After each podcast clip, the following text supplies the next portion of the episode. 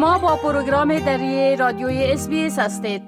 شنونده های عزیز سپتامبر ماه بلند بردن آگاهی درباره آتش سوزی است و در ای ماه تلاش می شد تا درباره عوامل آتش سوزی و راه های محفوظ ماندن از آسیب آتش سوزی به مردم معلومات و آگاهی داده شود. حال با همکار خود فتی سامی بار عوامل زیانها و طریقه های محافظت از آتش که متخصصین پیشنهاد می‌کنن صحبت می‌کنیم. آقای سامی با عرض سلام خب اولتر از همه اگر لطفا در مورد پس منظر هشدارهای دود یا سموک الارم که امروز به بخش مهم از مسئولیت خانه ها تبدیل شده معلومات بتین سلام با شما شنوندای محترم. خدمت عرض شد که ماه سپتامبر ماه ملی حفاظت از آتش است و در این ماه از نقش مهم استفاده از هشدارهای دود برای محافظت از جان و مال و دارایی استرالیا یادآوری و اطلاع رسانی میشه. ماه ملی حفاظت از حریق یک فرصت بسیار خوب است برای یادآوری و مردم. حتی اگر سیستم ها و خدمات آتش نشانی در فکر ذهنشان نباشه متوجه سنحت حفاظت از آتش شوند و این سنحت خطر و اثرات اثرات آتش سوزی را به حد اقل میرساند و نقش حساسی در حفاظت از جان و اموال و محیط زیست دارد. دستگاه عالی وجدار دهنده دود بر اولین بار در سال 1850 اختراع شد و نصب سازمان وجدار دهنده دود برای جلوگیری از آتش از سال 1997 در خانه های جدید آسترالیا در ایالات و مناطق اجباری شده است و با گذشت کمتر از یک دهه ایالات و قلمروا اکنون به حاله هشدار دهنده دود در تمام خانه های مسکونی چی خانه های قدیم و چی خانه های نو ساخت و جدید است نیاز دارن و این حتمی است که باید این نصب کنند بله خب اگر آل لطفا درباره آمار تلفات ناشی از آتش سوزی و نقش سموک الارم در حفاظت از جان و مال مردم یک مقدار روشنی بیاندازین بر اساس دریافت یک نهاد تحقیقی به نام بروکس اکثرت استرالیا تقریبا هزار پنج نفر چهار نفر که یک درصد استرالیا را در بر می‌گیره معتقد هستند که داشتن زنگ وجدار دهنده دود یا سموک الارم برای دریافت علائم خطر وقوع آتش سوزی در خانه ها محلات کار دفاتر مکاتب بسیار مهم است و حالات کشف دود نخستین اوجدار است که ما را وامی دارد با اقدامات عاجل و به موقع برای حفاظت خود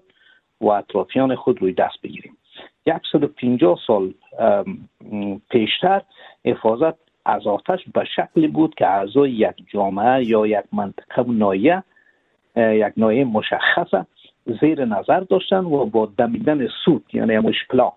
یا به صدا در آوردن زنگ کلیسا به مردم هشدار می‌دانند که آتش در گرفته خود محافظت بکنید و در جای همین پناه ببرین و, تجمع کنید. مخترهان در طول دو قرن گذشته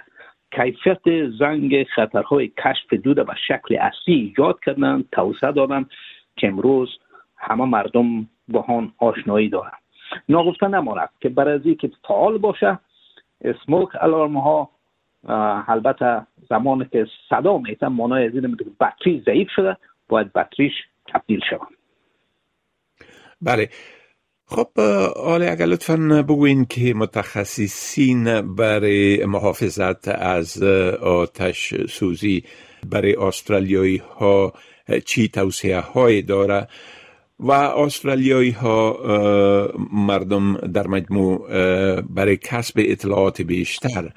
به چی جای می‌تونن مراجعه بکنن؟ تا این حال با وجود گام هایی که جامعه برای یعنی برای ایمن بودن و مسئول بودن از آتش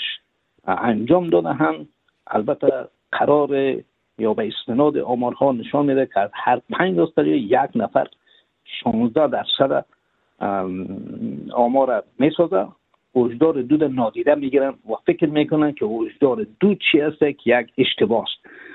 سازمان های کشف دود نقش مهم را در ایمن نگاه داشتن استرالیا ایفا می‌کنند.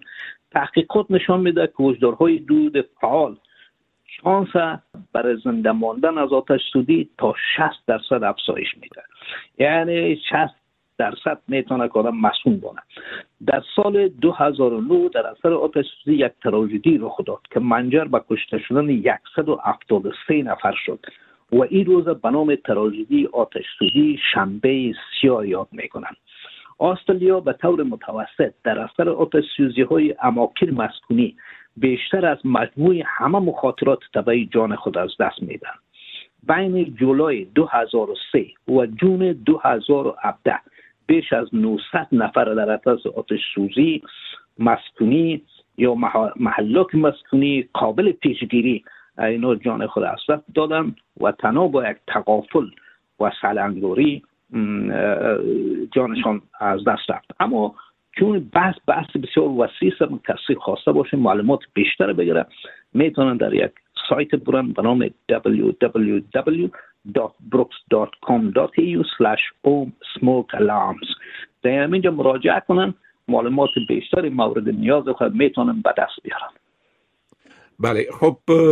آقای سامی از این معلوماتتان یک جان تشکر و فعلا شما را به خدا می سپارم و روز خوش برتان آرزو می کنم همچنان برای شما تشکر خدا حافظتون بپسندید شریک سازید و نظر دهید. اسپیس دری را در فیسبوک تعقیب کنید.